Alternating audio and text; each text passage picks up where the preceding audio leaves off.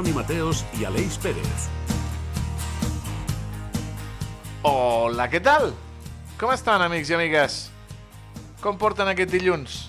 Aquest dilluns 30 d'octubre, abans de Halloween, perquè no ens enganyem. Els americans s'han menjat la castanyada. Ara, els nens no volen anar al col·le vestits de castanyera ni cantar allò de quan és temps de menjar castanyes, la castanyera, la castanyera, ben castanyes de la muntanya a la plaça de la ciutat. Ahora prefereixen cantar Mi novio es un zombie, es un muerto viviente que volvió del otro mundo para estar conmigo, mi vida ya tiene sentido, recuperé el amor perdido, intacto, pero podrido, com feia l'Alaska. El poder dels americans, dels yanquis, que estan acabant amb les nostres tradicions. Clar que veient el preu que estan els panellets, a uns 60 euros al quilogram de mitjana, doncs no m'estranya gens ni mica que vagin les criatures boges pel món a menjar llaminadures, que són molt, molt més barates. Aleix Pérez, tu que ets jovenet, el més jovenet del programa, Sí. castanyada o Halloween? Home, a mi les tradicions i, i l'arrel i els orígens em porta a celebrar la, la castanyada. Ja, segur, segur. Em porta, em porta a, una, a una resposta eh, inclús conservadora, no?, si m'apures, però, No. però sí, jo celebro la castanyada. A veure, jo... No et crec, Tam- no et crec. No m'imagino el jove Aleix vestit de, de castanyero eh, pels carrers de Reus, mirant... No, no, no, no, no, no. Però jo m'ho crec més a l'Aleix vestit de, jo què sé, de... De fantasma. de exacte, de, de zombi, de fantasma, de Dràcula. No et veig, Aleix, no et veig. Home, de zombi algun dia sí que ja arribo a la redacció, eh? A, a, Sí, no, ja, ja m'ho ja han dit, eh? Ja m'ho han dit que arribes bastant zombi a la redacció de, de la nova ràdio de Reus.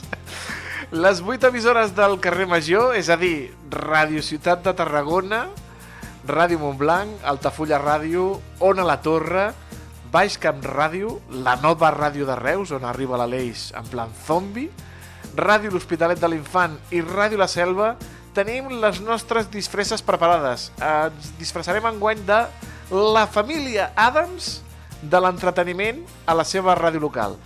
I el nostre tècnic, en Iago Moreno, és Cosa, la mà màgica que fa que tot funcioni, perquè amb la seva mà ens puja, ens baixa, ens dona silenci i tal. Benvinguts al carrer Major. Comencem.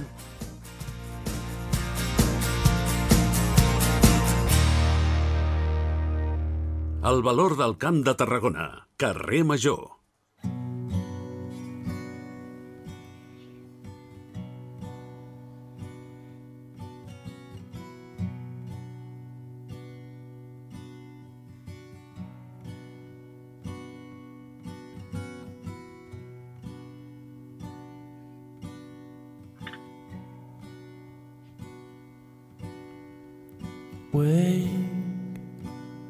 Oh, quin temazo. Per l'amor de Déu, quin bon, quin bon gust musical que tinc, Déu meu. Anem al cinema, perquè sempre és un gran plaer. El curtmetratge tarragoní Solo ha començat la seva carrera cap als Goya 2024. Bé, ja està en la recta final, estan als metres finals, en l'esprint final. Dirigit pel director canari Alberto Gros i produït per AIE Produccions, va ser nominat als Gaudí, als Premis del Cinema en Català, i ara està entre els escollits per fer per emportar-se el premi més important del cinema espanyol, que és el Goya. Per parlar del curtmetratge, per parlar dels secrets d'aquest curtmetratge, dels secrets ocults de la carrera cap als Goya, tenim a l'altre costat de la videotrucada el seu productor, el David Aymeric, al qual saludem. David, molt bona tarda. Hola, bones, què tal? Naltros molt bé, no sé com van els nervis per casa.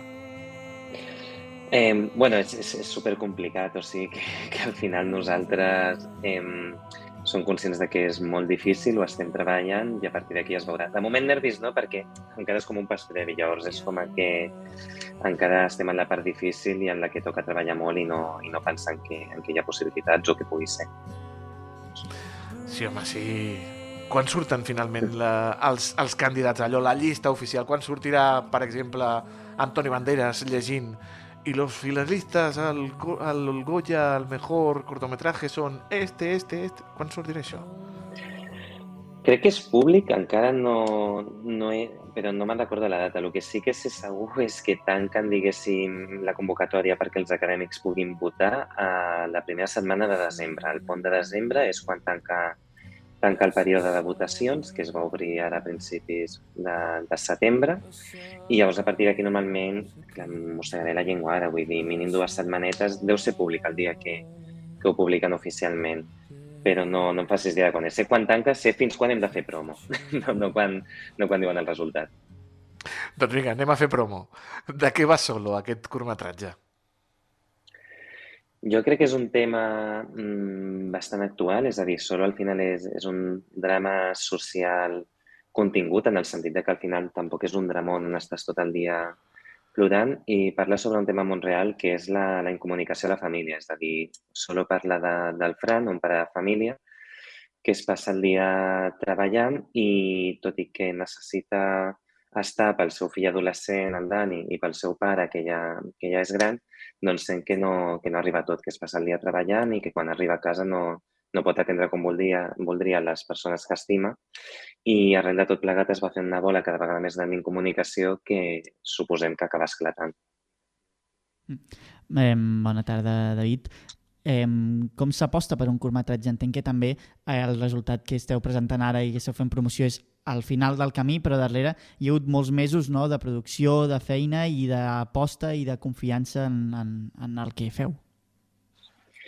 Sí, la veritat és que nosaltres casualment Solo és un projecte que vam començar durant la pandèmia, el febrer-març de 2020, així que ja us imagineu, vull dir, estem a finals de 2023, doncs eh, tres anys bons treballant amb, amb la producció, des de que tenim la primera versió de guió fins que comencem a, aixecar el finançament. Rodem el curtmetratge al setembre del 2021 i sí, i a partir del 2022 el seu recorregut a, primer a festivals i després a, a televisions i que es va poder veure fa poquet a TAC12 i altres espais i plataformes digitals que és on, on acaba tot el contingut avui en dia de, de cinema o audiovisual. Així que sí, un- una feinada. Al final et porten la mateixa feina que una pel·li, pràcticament, que un llargmetratge. I com és que esteu tan bojos? Com és que us jugueu la vostra pasta? Uf, no sabia dir, és una que em pregunto cada dia perquè al final nosaltres també aquí des de, des de Tarragona també treballem molt, diguéssim, com a agència de comunicació i a vegades jo mateix m'ho pregunto, la gent t'ho pregunta, que diu, ostres, però per què segueixes encaparrat amb tot plegat, amb, amb lo difícil que és? No sé, suposo que és el que ens agrada fer, explicar històries, vull dir, igual que un músic li, li agrada tocar, igual que un pintor li agrada pintar, nosaltres ens dediquem a això i al final ho fas mig per passió, mig perquè és el que t'agrada fer i t'agrada explicar històries. Llavors, si una història, diguéssim, connectes amb ella i et ve de gust explicar-la, doncs intentes trobar la manera de, de fer-la possible assumint els riscs que hi ha i, i les possibilitats de, de que no, de que no s'acabi fent. Com et definiries tu? Perquè mag, funambulista, que juga amb els diners, que està a la corda fluixa, eh, birli-birloque, perquè, déu nhi com, com, com, com és moure, aconseguir diners, eh, buscar lo sota les pedres, com és tota aquesta feina, que no es veu, que només no- nosaltres seiem a la butaca, ens posem allà davant de la pantalla i diem, oh, que xulo, però com és tot això, David? És, és bastant complex, en, en realitat, perquè jo me'n recordo quan vaig començar, que vaig començar sobretot dirigint i escrivint, a banda de produir, i a poc a poc, a mesura que he anat tirant al món de la producció, tu al principi t'imagines que, que és estar en contacte amb el director, llegir el guió, treballar la història, veure com, com la faràs possible, i a poc a poc, a mesura que passa el temps, et vas especialitzant i et, vas, i et vas donar, donant compte que ser productor és això, però això és la punta d'iceberg, és a dir, després te n'adones que, a més a més, has de saber de comptabilitat, has de ser comercial, has de ser organitzador. Eh, Al final ets un gestor d'un projecte, vull dir, com qualsevol altra empresa que vols emprendre un, un nou producte, doncs el nostre producte al final és, és una nova història i ets un gestor d'aquest projecte. Llavors és, és complex, és molt més complex del, del que sembla des de fora i del que un s'espera quan diu vull produir doncs, qualsevol tipus de contingut, vull dir, no només un curtmetratge, vull dir, qualsevol qualsevol obra audiovisual que vulguis fer, al final acabes gestionant un equip, gestionant una idea, gestionant uns recursos. I sí, és un popurri bastant, bastant complex que, que jo al principi no m'esperava fa uns anys, la veritat. Sí, i a més també perquè potser de cara a portes en fora, no? potser queda una mica doncs, difusa aquesta figura del, del, del productor i, i, i no sé si canvia el paper del productor potser en, una gran, en un gran equip que en, en un curtmetratge on potser no sou tantes persones, si, si també es multiplica la feina del productor. A veure, al final és com tot, vull dir, quan, quan comences o estàs sol, diguéssim que en teoria hauries de tenir menys projectes, i aquests projectes doncs, haurien de ser potser una miqueta més abarcables. Clar, és, és molt complex perquè si parlem a nivell de facturació, doncs si un curtmetratge el pressupost és més petitet, llavors hi ha menys factures, és més difícil eh, perdre com el control que no amb un llargmetratge que és molt més gran. A partir d'aquí, a nivell d'història o a nivell de rodatge, sí que són menys dies de rodatge, però hi segueixen havent uns actors, i segueixen havent eh, un mínim de tècnics necessaris, i segueixen havent una sèrie de processos que es repeteixen en grans produccions que fa que també sigui una forma, una eina, diguéssim, per aprendre. Vull dir, al final nosaltres el curtmetratge sí que és cert que és un llenguatge en si mateix, que si, si tu intentes adaptar una història llarga a un guió d'un curtmetratge no funciona perquè té els seus propis codis, però per mi està molt clar que és una aposta per aprendre, per, per créixer com, com a empresa i com a productora i que creixin també els directors amb els quals treballem per acabar fent llargmetratges o sèries o aquelles produccions, diguéssim, amb més factura, amb més volum, que vulguin proposar-se o que nosaltres ens proposem. Llavors, sí que és cert que, que té, té, té molta relació amb, amb el que és la producció, diguéssim, de cinema més industrial. L'únic és que és com, com una maqueta, és a dir, és com en miniatura, però el procés tu el podries replicar i seria el mateix, l'únic és que, clar, allò és un monstre amb unes xifres i, i uns equips molt més grans. Mm. Per això li has dit solo, perquè estàs una mica sol. David, jo, jo sóc un gran defensor de, de, dels que pensen que quan vaig al cine, abans de que ens fotin els anuncis de Muebles la fàbrica, el colchones no sé què, podrien fotre un curtmetratge, un curtmetratge de 10, 12, 15, 20 minuts abans de la pel·lícula. Mm, quina és la salut del curtmetratge? Perquè només es veu, poden veure curtmetratges en festivals de curtmetratges, no, no podem gaudir-los al cinema, no diuen aneu a veure aquest curtmetratge, a no ser que siguis Pedro Almodóvar i facis aquells fantàstics dos curtmetratges que ha fet ara, però quina és la salut del curtmetratge al nostre país? Eh, a veure, jo, jo no sóc una persona pessimista i al final intentes, intentes treballar per millorar les coses.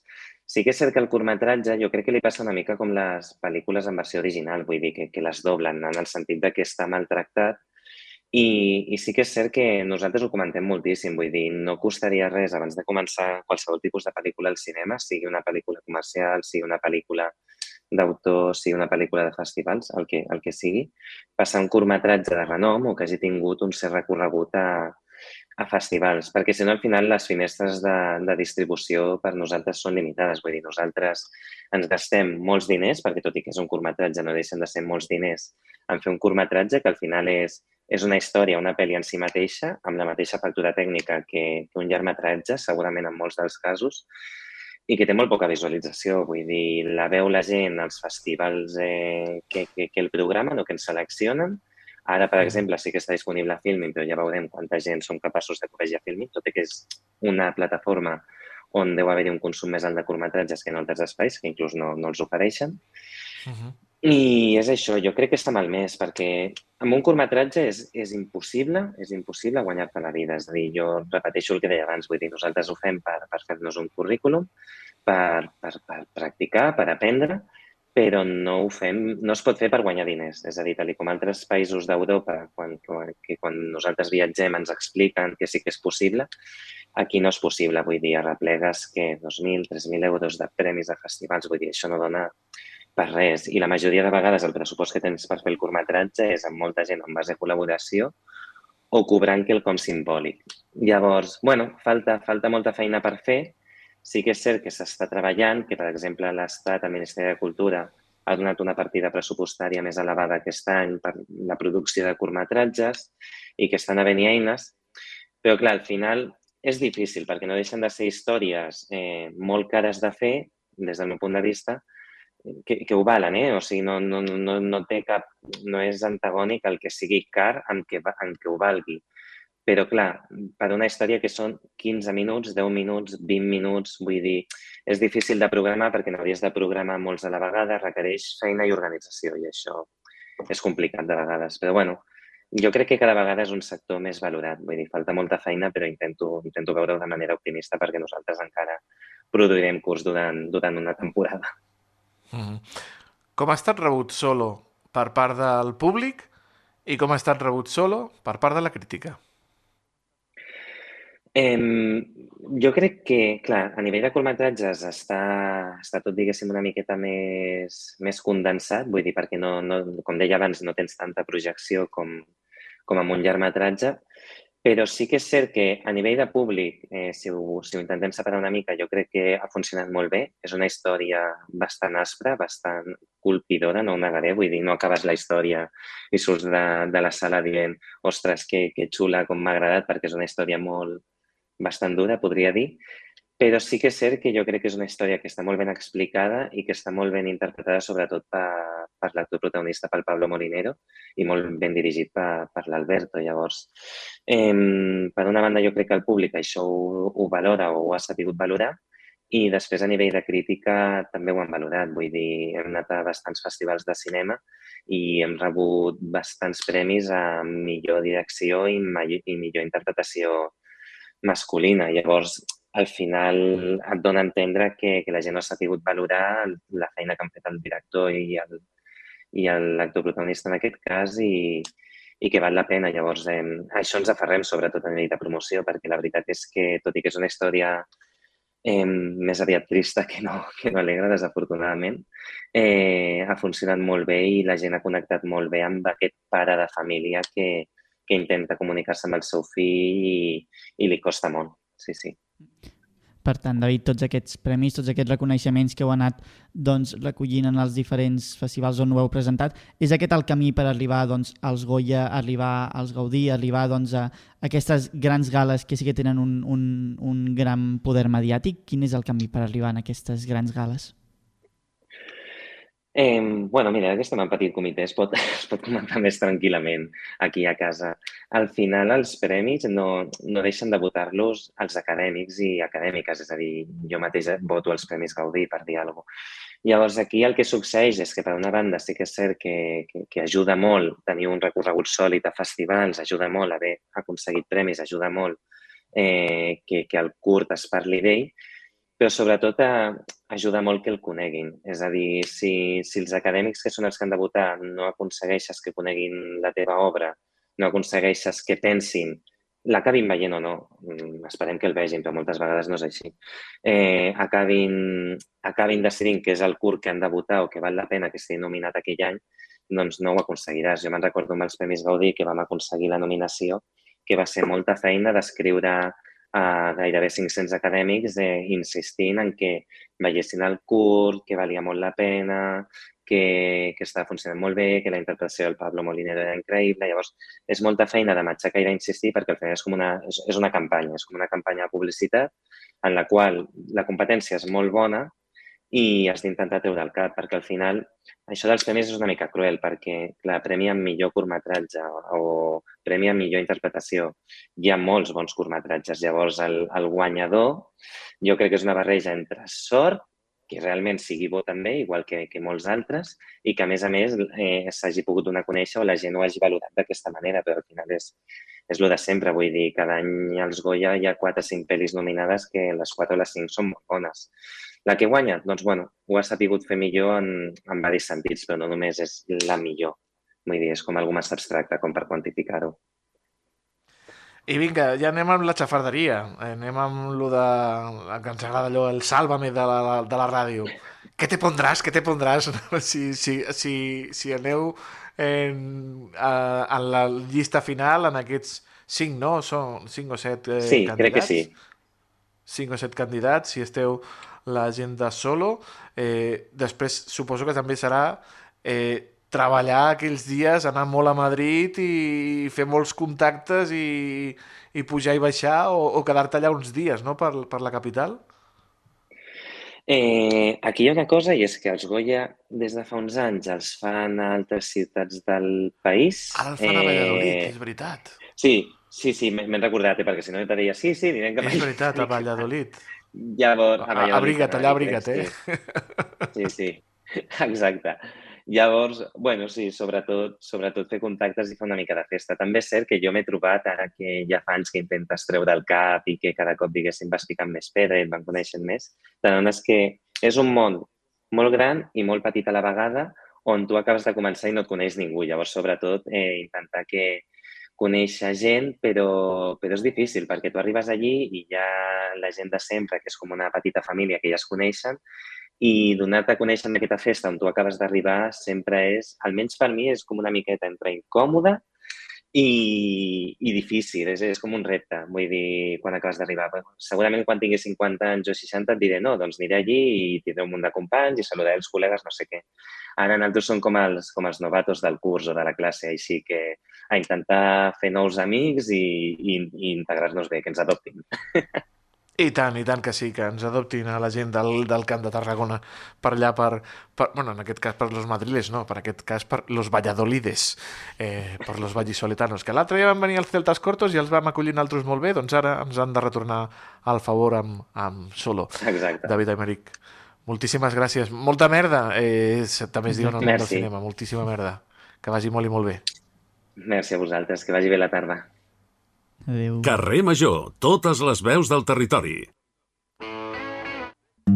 en una mansió de les que el temps ha guarnit. S'ha trobat arraconat un quadre gegantí. Molt a prop a un dit de pols. S'acosta la Diada de Tots Sants, és dimecres, el dia que anem als cementiris a recordar i a retre homenatge als nostres estimats difunts, a netejar el nínxol, a posar-li floretes al papa... Però moltes vegades passem pels cementiris sense fixar-nos en ells, sense veure que amaguen veritables tresors, veritables obres d'art, obres d'art funeràries. Per això, com cada 15 dies, ens visita el nostre estimat Damià Amorós per obrir-nos els ulls del gran patrimoni funerari que tenim als cementiris del Camp de Tarragona. És així o no és així, Damià? Bona tarda. Bona tarda. Escolta, Toni, m'ha sorprès una cosa. Tu hi vas el dia 1 al cementiri? No, jo vaig anar dissabte amb ma mare. Vale, vale. Però hem de tindre una cosa clara. El dia 1 és Tots Sants. Sí, El dia 2 és el dia de és difunts. el dia dels difunts, sí, és veritat. Aquí és on, on podem enganxar la gent. Jo, jo he guanyat bitllets de 2.000 peles, imagina't si fa anys, Ostres. dient quin dia s'ha d'anar al cementiri, si el dia 1 o el dia 2. I també sabent qui és el personatge. Se'n recordeu aquell senyor amb les ulleres calvo que hi havia els bitllets de 2.000 peles? Ai, ah, jo. Amb aquell fons vermellós? Aquí m'heu No. deixat fora, eh, mi. José Celestino Mutis. La forma de guanyar bitllets de... Valtres també 2.000 podeu, podeu anar a lloc, una aposta, escolta, quin estil artístic hi ha amb un bitllet de 100 euros. És, és, si no recordo malament, és barroc. Una forma de guanyar calés, eh, també, veus, amb història Ah, de l'art. Una forma de guanyar calés, però avui ens Sí, centrarem sempre. en el patrimoni. Jo, jo abans no m'agradaven els cementiris, de, de mi t'ho he de dir, Mm -hmm. fa anys no m'agradava, però vaig començar a fixar-me i a viatjar i anar-hi als cementiris. Eh, per exemple, el Pierre Lachaise de París és, és, és espectacular. És fantàstic. I emanen obres, sobretot escultures, espectaculars. Aquí al Camp Sí, de Tarragona també, no? Eh, molta gent, això que dius tu, eh, Toni, viatja fora, se'n va a París, se'n va a Londres. Jo recomano molt, per exemple, el de Milà, el de Roma, el central de l'Havana, el cementeri de Colón, Barcelona, Madrid, qualsevol, però visitar els cementiris del Camp de Tarragona descobriran algun dels millors cementiris de l'Estat, segons eh, enquestes i concursos que es fan, però tenim joies extraordinàries, com és el de Reus, el de Tarragona, els de, els de l'Ebre, aquells cementiris que, que miren cap al riu, no? que, que, que, que enfoquen la vida cap al riu, tot i ser un cementiri, o els de pobles, que et diré jo, com Prades, com Blancafort, que l'altre dia l'amic Ramon Bartolí em feia unes visites guiades, i jo tiro sempre cap a casa el de Serral, jo diria que és el millor de la comarca, amb una col·lecció de panteons i cenotafis de primer nivell. Cenotafis, que això és una Ah, veus, ara, ara aquí, aquí he deixat Ara anar la píndola enganxat. final. Sí, a veure. Uh, segurament els nostres oients coneixen l'edifici de l'Ajuntament de Tarragona, està ple de morts vivents, això ja és un altre tema, però hem de tindre clar, sí, en diuen polítics, uh, hem de tindre clar una cosa. Uh, dins de l'Ajuntament de Tarragona hi ha la tomba del rei Jaume I, feta per Domènec i Montaner, que aquest any se celebra el seu any de commemoració, però també entenem i sabem tots que el rei Jaume I és a Poblet. Una tomba on no hi ha ningú però recorde la vida o un homenatge a algú és un cenotafi. En el cas de Serral tenim unes dues làpides precioses modernistes dels anys 10, de principis de segle XX, d'unes persones que van morir a l'Havana, que estan enterrades a l'Havana, però ells volien tindre una tomba a Serral. I al mig del cementiri de Serral tenim dos cenotafis de la família Badia Vendrell de Cal Sargantana. Sí, llavors, Damià, o sigui, estem veient que, que realment també és, és, és, és una part també social, no? Inclús també tenen una història darrere de, de tots aquests d'aquestes tombes, no? Que, que realment també tenen un component social. La, inclús la mort també té un, un punt de, Sempre. de vida. Sempre hi haurà un, una relació entre la mort i la vida, fins i tot eh, vosaltres que heu estat en cementiris, els nostres oients, els arínjols o els, o els nichos, els panteons, les tombes de terra, totes tenen un número. De vegades són com les cases d'un carrer, que totes també tenen el seu número. I, i si passegeu per un cementiri de gent coneguda, recordareu els noms de la làpida o els cognoms a través dels renoms de les cases. Fins i tot també els estaments socials. Eh, En el cas de Reus és extraordinari els panteons que hi ha relacionats amb construccions familiars de dintre la mateixa ciutat, no? o, o directament un panteó de reusencs il·lustres. En el cas de Tarragona passa exactament el mateix però a Reus, a Montblanc, a l'Hospitalet, a Valls, totes aquestes relacions entre el fet social, fins i tot pertànyer a una entitat, o a un gremi o a una cofreria, permetia enterrar-te un lloc o un altre, això parlant ja de la gent quan, quan aquells temps que es podien enterrar dins de les esglésies, no? però el fet social, el fet de la societat, és palmari en els cementiris i va estretament lligat en el patrimoni funerari. Parlaves del cementiri de Tarragona i allà, si no recordo malament, hi ha el mausoleu dels marquesos de Taperit, no? Sí, senyor, el mausoleu dels marquesos de Tamarit, que curiosament tenien tomba també els seus ancestres a la Prioral de Reus. Fixeu-vos els marquesos de Tamarit, quines jugades, eh? Ara el mausoleu o el Panteó de Tarragona, però també a la capella la posem a, a la Prioral de Reus. Realment, eh, potser els, els cementiris no tenen aquest estament nobiliari per una senzilla raó. Els cementiris són fruits del segle XIX, de la il·lustració, de, del fet d'aïllar els morts de les ciutats, per això la majoria de poblacions a Valls ja no passa, no? està rodejat de cases i en altres poblacions no, eh? però el fet de treure'ls de la ciutat anar en paral·lel a la desamortització o en els elements de desaparició de l'antic règim. Això que provoca que siguin els burgesos, els polítics, els fills il·lustres, els que tinguin grans panteons, i no a les famílies nobles que de vegades encara conservaven les seves tombes a, les esglésies, monestirs o espais eh, religiosos del Camp de Tarragona. Per tant, llavors, eh, Damià, eh, sempre, sempre quan veiem eh, estructures dels diferents cementiris, potser veiem que són gòtiques, són realment gòtiques o, o també hi ha No. una diversitat o és una, o és una trampa que també es fa una mica per generar aquesta, aquesta, aquest ecosistema, ara, no? Ara et podries posar a recitar una obra del Edgar Allan Poe amb un, amb un peluix d'un corp aquí a l'esquena i tindríem una peça gòtica, precisament, no? Però, però hem d'entendre que els cementiris gòtics són les esglésies, però, ojo, al Cuber hi ha una església gòtica dins d'un cementiri. És a dir, passa una mica diferent, no? És a dir, hi ha primer l'església, després fem el cementiri al costat. Els elements neogòtics el que fan és transportar-nos a, a la tradició neo, neogòtica, és a dir, a, a la Renaixença, al segle XIX, principis del segle XX. Entenem, doncs, que no hi ha elements gòtics. Tot i això, eh, al cementiri de Tarragona hi ha una reproducció d'un vas funerari eh, romà, però és que, per exemple, en el cas de Santes Creus, la tomba de Pere el Gran és directament una banyera de pòrfir romana. Llavors, clar, aquesta relació entre el nostre passat, eh, la nostra història, i els elements neo, neobarroc, neogòtic, neoromànic, que trobem en molts, moltíssims cementiris del camp, del camp de Tarragona. Bueno, famós també uh, el mausoleu del, del general Prim. Home, jo aquí, jo tinc la foto de... Tinc, tinc un sticker que és el general Prim, però sense caixa, és a dir, la, la, la, la, Home, la amb- famosa, amb els- és a dir, amb els ulls de vidre. Amb aquells Sí, sí, ulls oberts. Home, Preciós, allò, es van eh? fer samarretes i tot, Damià. Veus, veus? Vull dir, allò, allò és un icon, allò, és, allò, hi, hi ha dues icones al Camp de Tarragona, no? Una és Josep Maldonado, l'altra és el general Prim Mòmia. Jo crec que a partir d'aquí podem crear la nostra religió. Se n'enfotem, però el general Prim és un dels morts més viatgers del Camp de Tarragona. Ell se l'enterra a Madrid, al Panteón d'Hombres Il·lustres, que era on li tocaria, però als anys 70 hi ha una campanya per portar-lo cap a Reus. Després, un cop a Reus, amb aquell mausoleu, potser ho recordaran els nostres oients, un mausoleu de vidre, una construcció bastant contemporània, Sí, es desfà, sí, sí, sí. eh, que allò està al mig del cementiri, una Sí, construcció a l'entrada a, mà, a mà esquerra, pujant a mà Sí, esquerra. és després que, que quan hi ha el bicentenari que es restaura la mòmia, el porten a Barcelona, el porten a Reus, se li fa una targeta sanitària per poder-li fer un tac fins i tot, i, i clar, estem parlant d'un personatge que és extraordinari amb una història post-mortem també extraordinària. No, no, fins i tot un, una, un, una xerrada que va fer l'alcalde Pellicer davant de la mòmia dient-li, general... Ei. Sí, bueno, això ja... sí, sí, ja, ja pensava que li feia un petó en aquell moment. Sí, sí, va ser, va I- ser però i- era divertit. Era divertit, era divertit. Sí.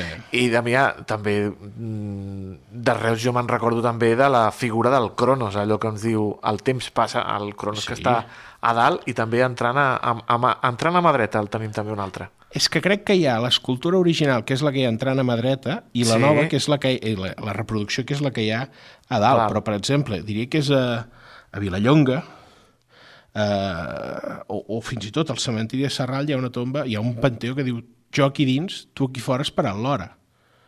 O, o aquella frase de avui per tu, demà per mi.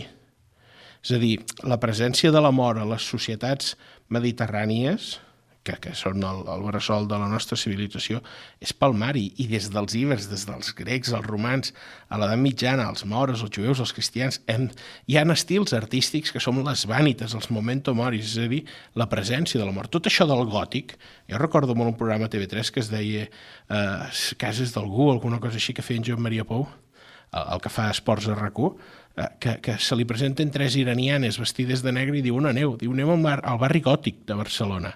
Les ties anem vestides de gòtiques contemporànies per anar a visitar el barri gòtic que representa... És igual. Sí. Dir, La idea aquesta de, de, de, de, de, del neoromanticisme vinculat a la mort també, doncs a la presència. I el turisme funerari és una derivació d'això en el moment contemporani que estem. Sí. I a més, Damià, inclús tenint en compte que tenim aquí al costat a Poblet, no? que, que ho has comentat fa, Home. fa un moment, que realment tenim el lloc per, per excel·lència no? de, de les tombes de tots els grans reis que hi ha hagut aquí al, al territori, tenim aquí al costat de casa.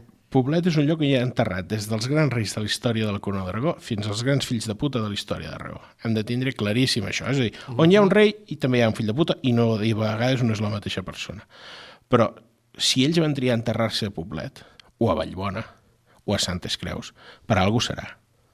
Llavors, tot el que és fora d'aquest contorn que marquem naltres del Camp de Tarragona, jo sempre dic que a casa nostra som la civilització, l'exemple a seguir. A partir d'aquí, cadascú que cregui el que vulgui. Però realment eh, hem d'estar un, honrats de que els reis, els, els reis que considerem que també el neoclassicisme, la, la, la contemporaneitat, el modernisme, ens ha fet presents aquests monarques, es van decidir enterrar a casa nostra, però és que a Poblet també hi ha, per exemple, el duc de Wharton, que és l'introductor de la maçoneria a Espanya, eh, grans personatges com el prohom vinculador o Eduard Toda, un dels primers podcasters de casa nostra, a banda de ser el restaurador del monestir de Poblet i, i reusenc il·lustre o egiptòleg. No? O aquesta idea de, de, de Toda de descobrir l'arqueologia a Egipte a través de, de, de, de peces directes i, i de cossos. La, la Nessi, que és la mòmia que tenen a Vilanova i la Geltrú, el Museu Víctor Balaguer, la porta Eduard Toda fent-la passar per un combat callar sec per la duana. Imagineu-vos, doncs, aquesta fascinació no? pels, pels morts o els difunts. M'ha agradat molt això dels reis i els grans fills de puta. Eh, Dami... Ja et dic, Amorós. no sempre són la mateixa persona. Eh? no sempre són No la sempre mateixa són la mateixa persona. Com sempre, gràcies per il·lustrar-nos i tornem a parlar d'aquí 15 dies. Una abraçada molt gran. Gràcies a vosaltres. Adéu. Que vagi bé. Estàs escoltant Carrer Major.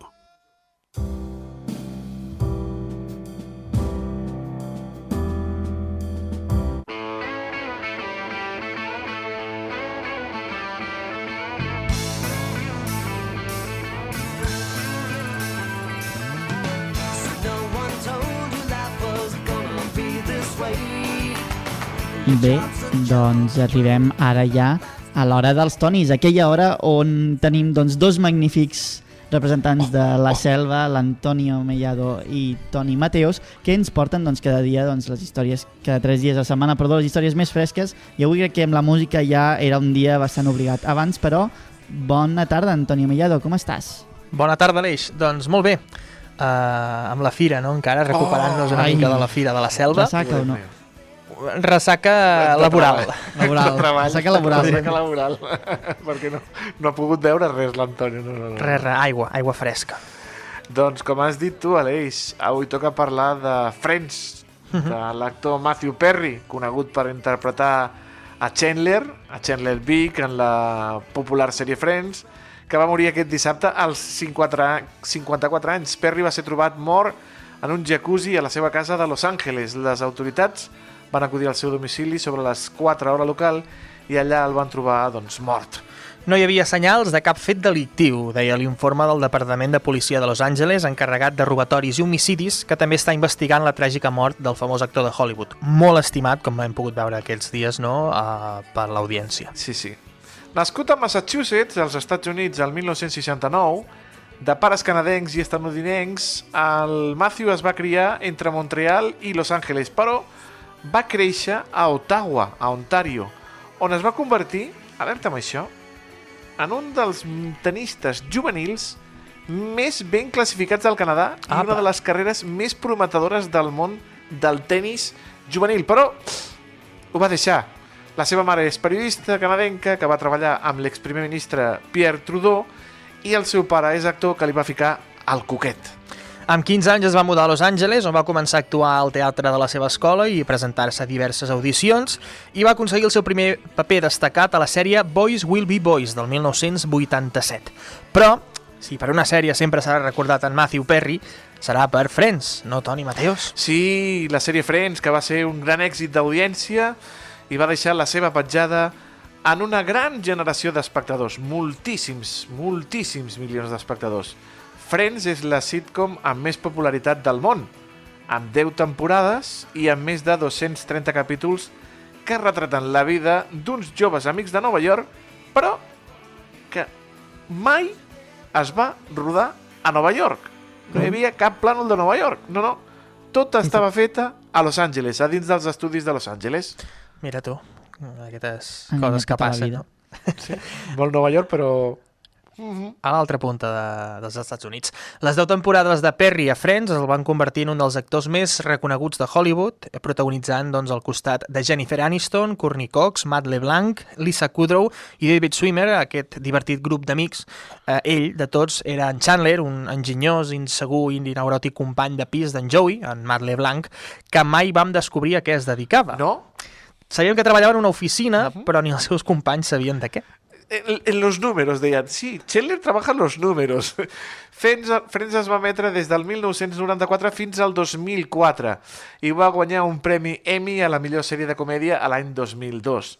També es va fer molt famosa la lluita dels actors i actrius per tenir un sou igual. En particular, l'elenc de Friends es va unir per lluitar per obtenir un salari, tots, nois i noies, els sis protagonistes de un milió de dòlars per episodi per cadascun. Bé, el que cobrem aquí, al carrer Major, aproximadament. Milió amunt, milió avall, Ah, exacte, més avall sí, que sí. amunt, però bé. Més avall, sí, sí. Al final de Friends, tapeu-vos les orelles, no? però ja no es considera spoiler, Home, això. Han passat molts anys, 2000, eh? Han passat 20 anys. Any que ve ja farà 20 anys, eh? Exacte. En Chandler està casat amb la Mònica i tenen una família que reflecteix doncs, el viatge de l'elenc principal. Des de novaiorquesos solters que intenten resoldre les seves vides fins a diversos d'ells casats i formant famílies. La sèrie va ser un dels majors èxits de la televisió, tot i que no era la més vista, eh? com No? molts podrien pensar. No, no, no. La sèrie més vista era Seinfeld, que no sé si l'has vist, Toni. Sí, Bona, també, eh? sí. Però de la que tothom se'n recorda, sobretot, és aquesta de Friends. Sí, sí, sí. Gràcies a l'enorme èxit de la sèrie, en Matthew Perry, com alguns dels seus companys, sobretot la Jennifer Aniston, han provat sort en el món de la interpretació, en el món del cinema. D'en Matthew Perry destaquem tres pel·lícules, o quatre. N'hi ha una que es diu Tango para tres, una divertida comèdia d'embúlics, Falsas apariencias, Falsas Más falsas apariencias, que és la seva seqüela, també protagonitzada amb en Bruce Willis, o 17, otra vez, una pel·li d'en Bullix. Però, amics, l'èxit sempre amaga una cara fosca i oculta, ja que en Matthew Perry tenia una vida trencada per les addiccions. En una recent entrevista, Perry va confessar que li resultava impossible veure's a si mateix a Friends. No podia veure la sèrie, eh? ja que li retrocedia a una època fosca de la seva vida. De fet, durant alguns períodes del rodatge de la sèrie, va estar greument enganxat a l'alcohol i a les drogues. Encara que l'actor intentava mantenir els seus problemes fora del rodatge, la seva lluita interna era evident pels que l'envoltaven. Sí, l'actor va admetre que va arribar a consumir 55 pastilles de bicodina al dia en alguns moments de la seva vida. Les que es fotia el Dr. House, doncs sí, sí. el Matthew Perry, 55. Una situació que reflectia la gravetat de la seva addicció. Malgrat la seva lluita constant, les recaigudes eren una realitat reiterada en la seva vida. Li van portar a teràpia de desintoxicació 65 vegades. Entrava i sortia, entrava i sortia. Segons els seus propis càlculs, Matthew Perry, aquests tractaments el van portar a gastar-se uns 9 milions de dòlars. Matthew Perry va estar a punt de morir i es va salvar gairebé de miracle en dues ocasions. Així ho recull en la seva autobiografia de 2022 titulada Friends, Lovers and the Big Terrible Thing. Perry va escriure un llibre sobre les seves addiccions i problemes i deia doncs, que la seva vida havia tingut tants alts i baixos que va sentir que realment era el moment d'ajudar la gent sobre les raons doncs, que li van portar a escriure aquest llibre. L'1 de novembre es complirà un any, justament, aquest dimecres es complirà un any de la publicació de les memòries d'en Matthew Perry. El llibre comença així. Hola, em dic Matthew, encara que pot ser que em coneguis per un altre nom. Els meus amics em diuen Mati i hauria d'estar mort. Doncs sí, així comença aquell llibre de Matthew Perry que farà un any de la seva publicació. La tarda del dissabte, l'actor va ser trobat, com hem dit, mort en el seu jacuzzi als 54 anys. Nosaltres ens quedem amb la part més alegre d'en Matthew Perry Sí. i amb una de les frases del seu personatge, en Chandler, que deia Hola, sóc en Chandler i explico acudits quan em sento incòmode. Doncs mira, nosaltres també explicarem acudits cada vegada que ens trobem una mica incòmodes. I tant. Alegria a la vida, Toni. Alegria sempre a la via. Què t'ha semblat això, Aleix? Ostres, doncs, molt trist perquè a mi m'ha passat una cosa i és que jo vaig descobrir Friends per ma germana. O sigui, jo no he vist mai Friends fins que ma germana un dia ho estava veient, és més petita, i tot i així doncs, vaig descobrir el Chandler i tota, i tota la banda i m'he tornat molt aficionat de Friends, m'ha agradat molt i també m'ha trencat una miqueta el cor. I realment a vegades és això, no? El problema que tenen a vegades molts famosos quan marxen d'aquest primer focus i, i la seva lluita per tirar endavant, a vegades que no estiguin al focus mediàtic del dia a dia no significa que no pateixin. I tant, i tant que sí. Ja hem descobert qui és la llesta de la família dels Pérez, la, la germana petita, que és Mirafrens. Antonio, gràcies, una abraçada. Adeu. Que vagi molt bé. El valor del Camp de Tarragona. Carrer Major.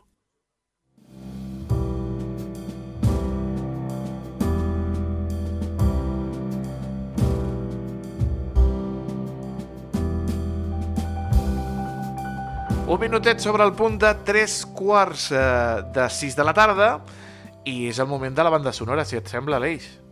I tant, a més, les, la música que anava sonant és aquella música que emana paraules estranyes, no?, per definir-la. No et dona la sensació que és d'aquelles... Mm, No sé, saps qui ens ho aclarirà molt i molt bé? El David Fernández. Ah, és veritat. A veure què ens diu el David Fernández sobre el tema que ha escollit avui. David, bona tarda. Hola Toni, hola Aleix, molt bona tarda. Avui sentim el primer disc d'un músic del Camp de Tarragona, de Cambrils concretament, que fa molts anys que es dedica a la música, però que tot just aquest mes d'octubre s'ha estrenat amb el seu primer disc en solitari. Fins ara l'havíem sentit d'instrumentista amb moltes i diverses formacions, però ara la Pel Escarot, aquest músic cambrilenc, s'ha atrevit amb el seu disc que s'anomena Abismes i Flors. La Pel Escarot, segons diu la seva biografia, es va iniciar en el violí amb 8 anys a l'Escola Municipal de Música de Cambrils. Amb 15 va abandonar els estudis de música clàssica i va començar a explorar la guitarra elèctrica. Amb 18 anys, Apel Escarot va reprendre els seus estudis acadèmics de música, però ja des del jazz i la música moderna, fins a graduar-se en violí, jazz i guitarra moderna a l'Aula de Música Moderna i Jazz del Conservatori del Liceu l'any 2010. De fet, la Pela Escarot va ser el primer graduat en violí jazz de l'estat espanyol l'any 2015 i actualment és professor tant a l'ESMUC com al taller de músics. El seu primer disc, Abismes i Flors, aquest que avui escoltem, es va publicar el passat 19 d'octubre amb el segell Microscopi i ell explica que la seva música té una intenció poètica, emmirallant emocions i estats d'ànim en paisatges, fenòmens i elements naturals, des d'una idiosincràsia jazzística en la forma i amb el violí com a protagonista. Aquest disc són vuit peces on hi podem trobar des de l'arrel mediterrània fins a moments d'inspiració barroca, colors impressionistes, diu, o minimalisme pop. Aquest treball, Abismes i Flors, ja el podeu trobar a totes les plataformes, per tant, si us agrada, ja sabeu que podeu recuperar la proposta del dia del carrer Major sempre que vulgueu. Avui, a Pèl Escarot. Doncs gràcies, David, per la Pela Escarot, aquest eh, jove músic cambrilenc. Eh, és, de, és de Baixa Mar, Ah, ja el conec, el, el, a la Pela, sí, sí, el conec.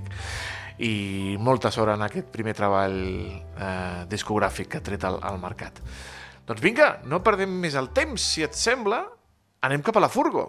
Exacte, anem cap a la furgo a veure on para el nostre company de Baix Camp Ràdio, no? El Miquel Llevaria. On deu anar? Sí, avui en Miquel eh, se'n va, ja saps, sempre li diem que està menjant, menjant, menjant, doncs Sí. avui li toca veure, veure, veure. se'n va a parlar de la kombucha, aquesta beguda tan de moda. Ai, se'n va cap al cuber. Miquel Llevaria, molt bona tarda, amic. Molt bona tarda, companys. Doncs mira, jo el que he fet és desplaçar-me fins a la capi... Ai, fins a la capital, no. Fins a l'Alt Camp, i és que m'he desplaçat fins a Alcover, eh, justament per conèixer una cosa, eh, una beguda, la qual potser molts, ara quan digui el seu nom, no els hi sonarà, alguns els hi sonarà, alguns ja la coneixeran, i és la kombucha. I és que m'he desplaçat a l'Alt Camp, a Alcover, justament perquè aquí hi ha uns productors locals de kombucha, kombucha la Valiente, que a més, fa no res, han aconseguit fins a quatre premis en el que vindrien a ser els Oscars de la kombucha. En tot cas, per conèixer tot plegat de què va la kombucha i de què van aquests premis, m'acompanya la Mireia Masgivert, que és cofundadora de Kombucha La Valiente aquí a Alcover. Moltes gràcies per acompanyar-nos uns minutets a Carrer Major. A vosaltres per venir. Escolta, abans de parlar d'aquests premis, per a aquella gent que ens pugui estar eh, escoltant i això de la kombucha els hi soni mm, estrany, eh, de fora, eh, jo segurament no ho explicaré tan bé com tu. Què és la kombucha? La kombucha eh, és una beguda fermentada a base de te. És mil·lenària, i no, no m'he inventat res. I és una beguda refrescant i sobretot molt nutritiva perquè porta probiòtics, àcids orgànics va molt bé a nivell intestinal. És a dir, que estem parlant d'una beguda que parteix del te, una cosa ben coneguda aquí, i que a la vegada, eh, entre cometes, és beneficiosa pe- pel nostre eh, sistema.